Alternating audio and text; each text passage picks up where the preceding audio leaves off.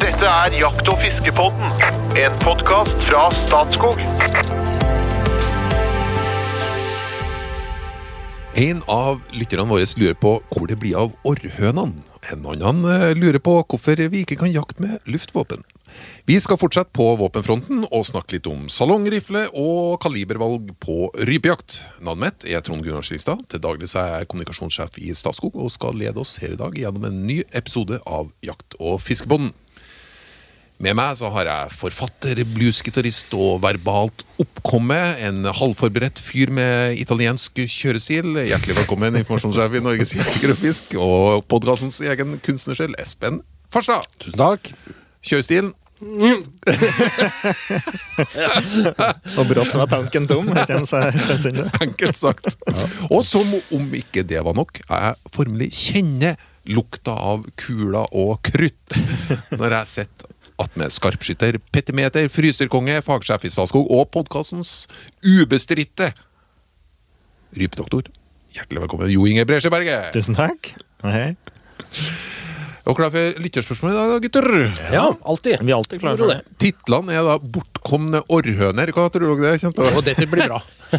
Forlorne orrhøner. Så jeg er litt spent på det med luftvåpen. Jeg, jeg har jo luft, altså det med å skjøte med luftgevær, det syns jeg styggartig den dag i dag. da. Ja, ja. Det er god følelse. Og så kommer vi atter en gang på salong på fuglejakt, men eh, salong er jo et sånt undervurdert våpen som jeg syns vi, vi har snakka Vi litt er aldri feil med salong. Nei. Nei. Men eh, vi går på det orrhønene med en gang. Nå, nå skal dere få vite hva det egentlig handler om. Bortkomne orrhøner. Det er en Gunvald Risdal som har sendt inn et spørsmål. Rypedoktoren sier at hannfugl stort sett holder samme område, og hovfugl, hovfugl flytter på seg. Vi hadde store, fine kull i terrenget jeg jakter i. På senhøsten så jeg veldig mye orrhaner og lite høner. Er dette fordi hønene flytter vekk, eller er bare orrhanene lettere å se når de flokker seg og sitter i topp? Det blir litt sånn, sånn uh, Ja, men det, ja. dette- dette er, Det er liksom en Ja. Jeg har bare lyst til å si før vi slipper til ekspertisen på det, at uh, det, er en helt, uh, det er en observasjon som er helt i overensstemmelse med min egen. Ja. Altså Det er helt klassisk at litt seinere på høsten så er ser du litt færre høner. Og du ser flere haner. Og særlig når det kommer snø og opp under jul, og de flokker seg, og du kan se store flokker med ålhaner. ikke sant? De er jo lett å se òg, da. Svarte mot den hvite snøen. De flyr i flokk, de må samla seg. Det er, det er klart at eh, det, det gir jo et, kanskje et litt sånn skjevt bilde av den reelle fuglesituasjonen, for det- du, du ser dem jo hele tida. Men, eh, men det er helt riktig. Akkurat den følelsen jeg har hatt. Jeg har hatt også tenkt det der spørsmålet der. Eh, Og har noen tanker om det, men jeg lurer på om kanskje ja du, du holder igjen litt. ja, nei, altså jeg, jeg lurer liksom altså, Tidlig på høsten så vil jo, vil jo ofte eh, mor være sammen med unger. Altså, sånn at det er jo kull, og, du, eh, og de samler seg, og de stikker kanskje ikke så fort som de burde, for de ligger og trykker og samler. Så hele atferden er på en måte mer knytta til Og da blir det mer eksponert for oss jegere. Senere, så De har jo en utrolig god kamuflasje. Hvis ei orrhøne ligger og trykker litt seinere på høsten, så går du rett forbi. Ikke sant? Ja. Særlig vi som er støkkjegere, da. Ja. Ikke sant? Så, så jeg tenker at det må ligge noe der. Men du, orv, orvfugl. Ja. du, du er sånn Du går oftere på, på orrfugljakt enn eh, storfugljakt? Nei, det går om hverandre. Det kommer okay. an på terrenget jeg går i, og hvordan fuglebestanden er. Det svinger jo litt fra år til år også. Men, men, men også, jeg er skogsfugljeger. Ja. Jeg er liksom ikke orrfugljeger eller tiurjeger eller storfugljeger. Det er skogsfugljeger. Og ta med jerpe og rugdo i samme slengen. Og så tok du en hare hvis den kom òg. Ja, det- En opportunist! Det er som. Eller generalist, heter det da. Generalist. Ja. Ja. Generalist. Nei, men eh, skal vi svinge over til han rypedoktoren, da? Og høre litt på hønsefuglkunnskapen der? Ja, vi må inngjøre det. Um, det, er jo, um, det er jo riktig da, på de hønsefuglene her at hannfugler stort sett blir i nærområdet der de er født, og hovfugla trekker ut. Det, det kjenner vi ganske greit da, etter radiomerking, og, og de kan dra ganske langt òg, faktisk. Men at, at du da i terrenget hans skulle det da være slik at hannfugla er igjen og hovfugla er rest.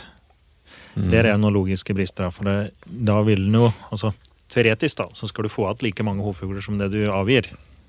Hvis det har vært bra med fugler, og de reiser, så er det jo det er en mekanisme for å unngå bl.a. innavl.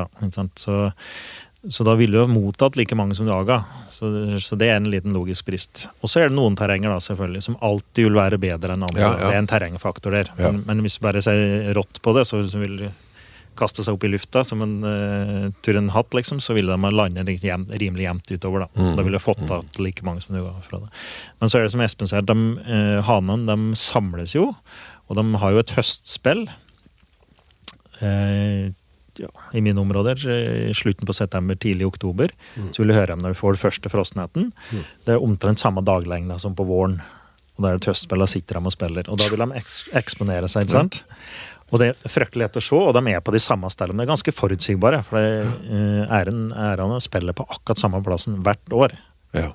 Eh, Fjørane den fletter seg rundt ettersom åken som er kongen på haugen. Kan flette ganske litt eh, helt Forholdsvis mye faktisk fra år til Og så spille på høsten òg nå, var det du sa? Ja. Men, ja. Det er et høstspill, ja. ja. Og da, da hvis du da hører Men det er hører ikke en paringslek, da? Eller det, det har ikke noe med paring å gjøre? Nei, det er ikke Det det, men det har med dag, har med daglengden å gjøre, og hormoner. Så Ja. at, eh, Veldig Kan jo det tenkes at de drømmer om litt uh, Ja. Jeg tenker det er det. Og hvis, hvis det forviller seg inn i hønene innom leiken her, da, så blir det fullt kjør, kjør der. Det er akkurat som på våren. Da er de ja, da er de helt, ga- Oh, ja. ja. gale. Selv om hun blir jo ikke paret, da, men eh, Ja. de, det er jo det de ser etter. ikke sant? Så plutselig kommer det ei høne forbi. Det er jo dokumentert. Da er de ganske ville i nikkersen. Ja. Nei, Jo Inge, jeg må inn i limericken her nå, for at jeg har, det, det, er- det bare passer så bra. Det, det er nemlig en limerick som heter 'Vårfølelser og fullleik'. Ja, ikke sant? Den heter det, skjønner du. Og her er, det, her er det noen lyriske vendinger inni som dere kan glede dere til. Jeg har gleda meg sånn til å ta denne på dere, og det passa jo så bra inn på den her. En vellystig ung dame fra Oslos østkant kjente våren spille nesten litt i overkant. Hun var som ei høne på leiken, hun var som et egg som søkte bacon. Det er fare for at hun ender opp pregnant.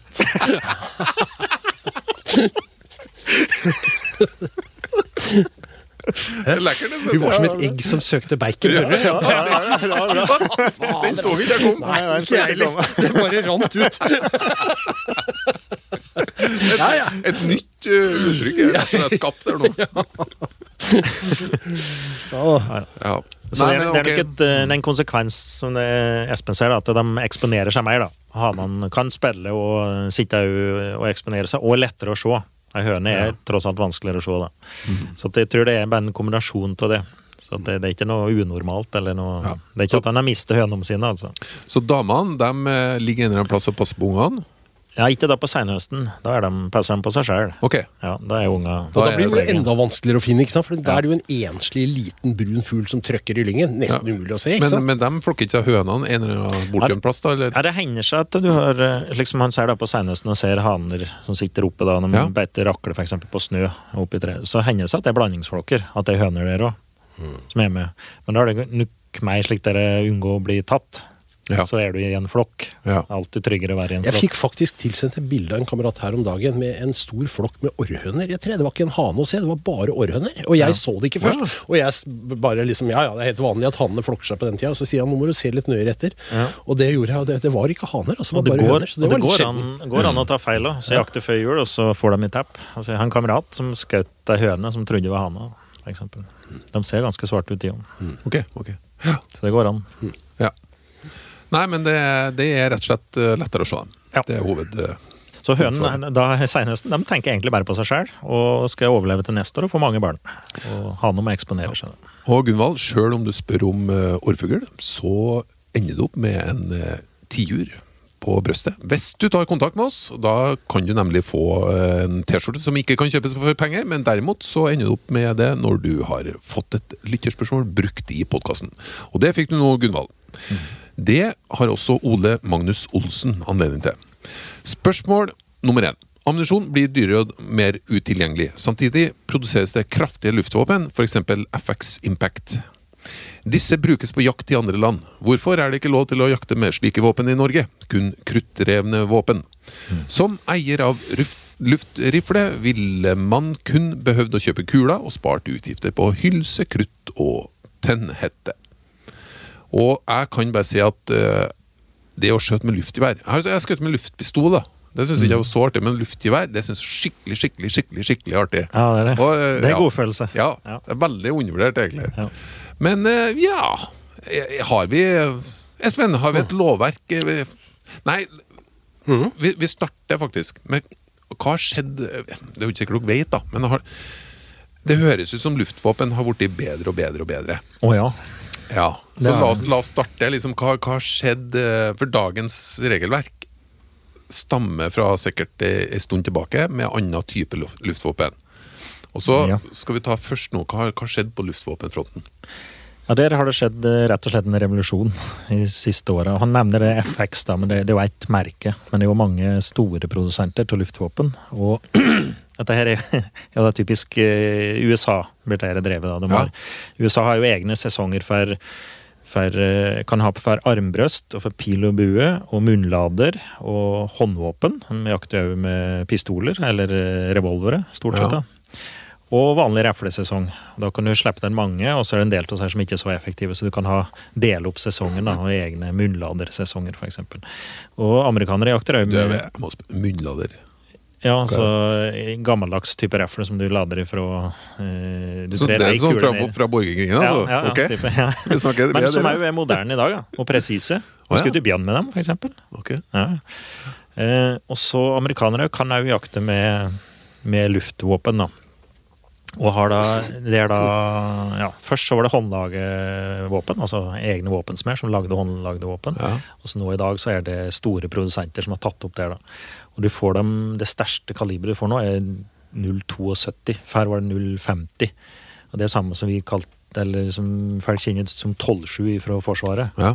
Ganske heftig, Ja, si. ganske heftig skyts. og nå finnes det jo luftrifler i 72 som er enda grøvere. Og det var da 0,72-dels tomme, da. Okay. Ganske heftige greier. Og de skuter jo stort vilt med dem. Og i Afrika er det òg til jakte. Ganske stort vilt med dem. Ja. Så du får eh, på, eh, på begrensa hull, i hvert fall, så har du Du kan få en vanlig 308 i luft. Vanlig storviltrefle i luft, og så oppover, faktisk. Men du, jeg, altså, når jeg har brukt uh, luftvær, så, Mm. så pumper jeg opp det sånn, ikke sant? Ja. Snakker vi om det her, eller snakker vi om noen var det gasspatroner som, gjorde, som pumpet stempel, Ja. som pumpet luft. Og de får du kanskje 400 meter i sekundet på, i beste fall. Mens Mm. dette her er, her er det trøkktanker Ja. som du fyller. Og det kan være flere tusen PSI, altså pund i dem. Altså, det er jo en enorm trøkk i dem, da. Altså kanskje kan skutte tre skudd. ja. At du bruker så mye luft per, per skudd. da. Men det, er her er det som en dykkertank, liksom. En mini-dykkertank da, med ekstremt høyt press. Altså en trøkk på den lufta som er i den tanken. Ja. Nettopp for å kunne gi en uke energi. Og da kan du felle en antilope. Så når du, når du sitter på post, og aggregatet begynner å gå, for du må ha ja, ja, ikke sant? Nei, men det er jo for ja. Nei, så det er jo, det er jo begrense bruksområder, da. Men slik som det FX som man nevner, er populært i Danmark. De regulerer rågeunger, som de sier. Vår kønnkråke. Og så har de latt å regulere de unga før de flyr til reiret. Så eksponerer de seg, og så skutter de de med luftbær. Så det er en delikatesse i Danmark. Og da i tettbebygde strøk. Veldig dumt å skutte med grokalibre, så da skutter de med luftvåpen. Men står dette tilbake for uh, våpen i dag? Så er, det gode jaktvåpen, vil du si?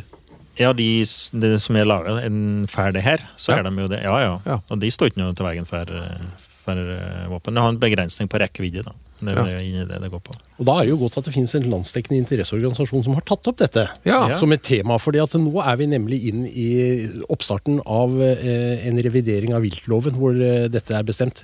En modernisering av viltloven modernisering. kalles, det, Ja. det her, da. Ja, Viltloven har jo definert at det, det er kun lov å jakte med kruttdreven våpen. Og dermed har du utelukka f.eks. en teknologiutvikling på luftsida. ikke sant? På dette her. Det blir omtrent som om vi skulle bare ha lov til å kjøre bensindrevne biler. Og så vet vi at det er gode elbiler, men det får du ikke lov til å bruke. på en måte. Så, så det er på høy tid at vi har en modernisering av viltloven på dette punktet. Eh, og Jeger og Fisk har sagt noe om at, at eh, det, det vesentlige må være at det kun skal brukes skytevåpen som sikrer human jakt. Det er jo det som er, ikke sant? Og at vi ikke bryter noen internasjonale konvensjoner. Eller, altså at vi tar hensyn til ytre rammer. Men så lenge, det må være, loven må være teknologinøytral. Ja. Ikke sant? Det er jo ikke teknologien som skal styre dette, det er jo effekten av det, det valget som de gjør. Og jegerne mener jo vi i utgangspunktet må gis så vide rammer som mulig, så lenge vi på en måte fyller eh, lovens krav til anslagsenergi, eller hvordan det er man gjør dette her. ikke sant? Så det å sette ytre rammer sånn som her og si at det er bare kruttdrevne våpen, det er eh, fryktelig passé. Nå har vi spilt inn fra Jeger- og Fiskerforbundet forslag til departementet på hva de, vi mener de bør høre på i en, en ny viltlov, eller modernisering av viltloven. Eh, og da har vi spilt inn dette som ett eh, element der. da. Og det, jeg kan jo da nevne at i bakkant her så spøker jo selvfølgelig også dette med buejakt. Ja, ja. Ja, for det er jo en- det tilsvarende, ikke sant? De får altså ikke lov til å jakte med pil og bue. Fordi for det at eh, det skal være kruttrevet i, henhold til lovens rammer. Mm. Eh, men hvis man eh, går litt mer moderne til verks her nå og formulerer noe som eh, kan gi rom, så er det kanskje håp for de også. Hvis de kan dokumentere anslagsenergi. Hvis de kan? Altså, de, de må jo fylle kravene til humanjakt. Det er vi helt enige om. Men, eh, men det skal ikke defineres i en teknologibestemt lov. Nei. Det, det samme har vi spilt inn, da. Eh, og det er, jo, det er jo lovverk som, er, som kom først i 1899, som ble modernisert i 51 og 81. Det har jo skjedd ganske mye så den Ja. tida. Og det var da ja, Det hadde litt annen funksjon da i 1899 enn det har i dag. Ja, og det det var ikke, det var ikke det så gode luftvåpen da. Og det henger igjen, fordi at det der med kunstig lys, og som nå er veldig, som vi har diskutert Ja, ja, litt før, dette med termiske sikter og alt sånt, det henger egentlig igjen i tankegodset fra 1899, for her Ja. snakket man om fakler. Ja, ja, Fakler, ja, ja. Sånn at det er, absolutt på plass med, sin, eh, med en modernisering av viltloven på dette punktet. Vi var jo så vidt innom eh, fri, frihetens eh, kontinent, USA. Eh, Der er det jo store muligheter. Vet du hvordan, de tenker rundt det? Tenker de sånn anslagsenergi og sånn human jakt osv., eller, er- eller er det mer at man ikke skal begrense individets frihet? Det er nok kanskje det like med det Det siste. Ja. Ja. Det skal ikke være noen føderale lover som begrenser individets frihet. Og vi er ikke der, bare for å ha sagt det. Det er, det er ikke noe poeng for oss at alle jegere skal ha full frihet hele tiden. Det er ikke poenget, men vi må bare ha et lovverk som er, er opp til en moderne virkelighet. Ja. Eh, og så skal vi stille krav. Vi skal stille krav for det med human jakt. Det skal på en måte være bærende hele tida. De, de har ikke noe krav om ettersøkshund, f.eks. Mange stater er ikke lært å bruke hund aktivt på jakt heller. Jeg tror vi kan slå oss på brystet Jo Ingo, og si at vi er vel ledende i, i, i den type jaktkultur i verden. Kanskje sammen med, med svensker og andre. Liksom, Den altså, skandinaviske. ja, den skandinaviske. Ja. Altså, vi, Det tror jeg faktisk vi kan si. Det er stor grad av uh, hensyn til viltet som uh, ligger i bunnen av lovverket her. Ja, det tror jeg vi kan være enige om. Ole Magnus hadde et, et tilleggsspørsmål. Vi, jeg jeg, jeg syns jo dere med vi, vi, vi kunne kanskje hatt en egen episode der vi har gått gjennom luftvåpen, faktisk, og kikka litt eh, Luftvåpen er moro, det. på det. Ja. fer- Det er jo slik dere vil tilbake til de knekkevåpnene våre og så oppetter. Ja, altså, og det har jo skjedd ganske mye, snakker da. om sånn rekruttering, med luftvåpen, skytesimulatorer. Sånn. Det er jo noe som kanskje kan være fine innganger i dag Mm. til den spenninga som jakt og fiske representerer. og han hadde et bra poeng at det var billig ammunisjon. Altså, Ja. Ammunisjonspriser har jo gått rett i himmels, men eh, Ja. skutt med luftvåpen er jo fortsatt billig. Da. Så det, det er også et poeng. Han har et uh, tilleggsspørsmål, Ole Magnus. Hvor lenge ligger skogsfuglen i dokk? Da er mitt første spørsmål hva betyr det? Å ligge i dokk? Ja, det sier vi når, eh, når ja, Det er skogsfuglen prater om her, da. Når de dykker ned i snøen og graver seg ned i snøen og ligger, eh, ligger der, det er å ligge i dokk. Og det er en ganske artig mekanisme. For det første må det være nok snø mm. for at de kan dokke. Eh, før jul, så, og i mine trakter, så er det ofte ikke nok snø til at de klarer å gå ned. Det må komme litt snø. Og den må være løs, må, må ha slik puddersnø. Funker dårlig på skaret. Funker dårlig på skareføre. Dum. Og jeg har, sett, jeg har faktisk sett fugl som flyger inn og går i dokk. Det er ganske heftig. Har Sett æraner komme inn, og så stuper ned i dokk der. Ja. Med huet først. Og jeg er helt sikker på at noen skader seg. Det vil forundre meg vet om de treffer en stein eller et eller annet. Det, det er ganske heftig å se på. Går inn eh, med full fart ned, får deg ei grop bak, og så bruker de venga, omtrent som å svømme med. Ok? Og så svømmer de litt vekk, så hvis du går etter hælet, så ligger fuglen litt vekk fra hælet, da. Ja. Sånn at den ikke skal eh, Hvis, hvis en rev kommer dansende for eksempel, og snuser seg fram til hælet, så ligger ikke fuglen akkurat der. Nei. Eh, og Det er en litt artig mekanisme. og eh, Det var lenge så trodde vi at de gjorde det for å spare energi. Ja, For at, det eh, tenkte. Fryktelig kaldt oppe i, i trekronen, og så dukker du ned, og så ligger du der og, og eh, Ja, det er ikke det, altså. Nei, for det, er jo dokumentert eh, at de går i dokk selv på ganske milde temperaturer, som ikke slik sett trenger det. Eh, og da kan det mer være over på at det er en, en slik antipredator-greie. Ja. Eh, at Det er Du, ja, det er trygt. da. Gå ned, og så er du borte. Når de sitter oppe i trekrønnen, f.eks. en diger fjørana i en hvit, eh, i en hvit furu, den er ganske synlig. altså. Den kan du se bare med, Vi kan se den med blått på to kilometers avstand, liksom, hvis det er åpent terreng. Så at han blir ganske synlig og utsatt for predasjon. Så det kan òg være greia. Da er han jo borte, da. Mm. Så at de tror det er en kombinasjon. Både av det eh, energi, eh, å spare energi, og eh, og eh, unngå predasjon, da. Hvor lenge ligger den der, da? For godt til spørsmålet. Ja, slik passe lenge. Ja, det, det, De ligger, ligge- dem ligger en stund, for at det vi Ja. kan se om våren, da, når vi er ute og går, så kan du finne gamle dokker. Og de er jo fulle av møkk. ja. Så de har jo ligget der ei stund. Snakker vi Ja, er timer eller dager, eller? Nei, ja, det er timer, ja. For det er jo, de er opp igjen, da. Ja. Så, at, ja. så, så det, det prater timer, men det er nok ikke forsker mye på det her. Men er de ikke De ligger jo over natta, gjør de ikke Det kan de også gjøre. Ja. Ja. Det var det jeg så, da. Jeg var på skitur. Ja. Ja, det Ikke uvanlig. og rypere gjør det, da. Så rypere går i dokk. Og hvis du går, altså, og det er jo helt fantastisk hvis du opplever å gå på ski, og så, og så støkker du da fugl som ligger i dokk, som spruter opp av snøen praktisk talt mellom skituppene, ikke sant? Det er ganske heftig. Ja, fy fader, det skal jeg love at det, det, da kjenner du at du lever, altså. Ja, du glemmer ikke det. Men du, apropos det, apropos det å kjenne at den lever. Du, Espen, hvis du skulle ha valgt det nå. Et liv som pelsjeger i Alaska, eller som sportsfisker på New Zealand? Ja, det var ikke vanskelig. Å ja, da skulle vi strekt snøret på New Zealand, ja, skal Ja, jeg love deg. Ja. Ja, for du kunne ikke jakte på New Zealand. Det var bare Det er helt korrekt. Du må okay. forholde deg til Ja, ja. Nei, da blir det Alaska. Ja, det var det. ja. det. Nei, men jeg hadde kommet og besøkt dere begge to. jeg. Ja, Eh, Det må du bare gjøre. ja, takk for det. Ole Magnus, eh, gi beskjed, så blir det ordnings med T-skjorte. Det blir det også. Vi svinger kjapt innom Stian Haugen. Vi har vært på salongrifle og ammunisjon og sånn en del ganger før, men eh, vi skal svinge om, for eh, salong Det er, er nesten et favorittema. undervurdert.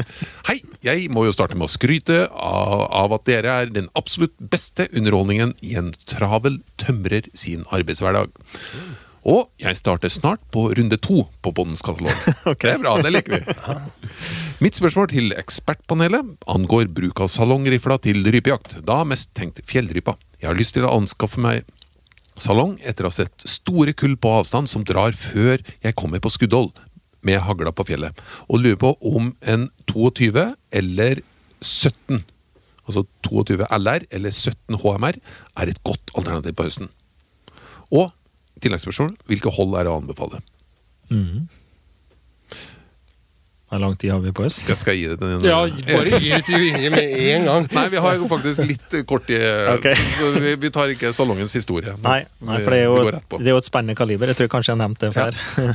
Du er litt glad i det, rett og slett? Ja, jeg er litt glad i det. Jeg må si det. Jeg er veldig glad i 22. Det er jo et veldig anvendelig kaliber. Så fins det en litt større patron, 22 H VMR, som da er omtrent dobbelt så lang som en vanlig salongpatron. Og så har de strypt den ned for å ta ei mindre kule. Da får du 17 HMR. Okay. En 17 helst tomme.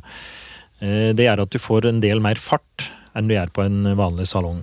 Og da kan du trette litt Det er lettere kule, men du får mer fart og mer inntrengning. Så du kan si at den er kjapp, presis og eksplosiv, kan du Ja. si. For det du krever er jo gode kuler, da skal du ikke skute filler til den rypa. Så den vil trette noe mer eh, vind, men det er fortsatt ja, Og du kan skutte kanskje på litt lengre hell, men eh, 17 HMR enn 22 eller Hvordan holder det? Eh, hvis du sier at 22 er veldig presis på 50 meter, så kan du ta deg ut til 100 med en 17-hammer og fortsatt være veldig presis i vind i fjellet. Du må ta deg ut for vinden. Du må på 100, må du ikke? Eller eh, Jeg er litt usikker på avstanden, her, men eh, for hagle, da er du på 25-30. ja. Mm. Hvis du tøyer ja. Men det, 30, men, det, men det som han sier, er typisk at de leter på litt lenger enn haglehøl. Nå holdt jeg på å si hvis du tøyer det litt, men det skal man ikke gjøre. Nei, Nei. nei. det skal han ikke. Så jeg Men- trekker tilbake det. Men, han, men han, sant, han sier at de drar på litt for langt høll for hagla, sier han. Og da er det jo, det er jo da kanskje salongen kommer til sin rett, da. Så slik dere, Hvis en skal ha ei rifle bære til det her, jeg ville fortsatt ha gått for en salong.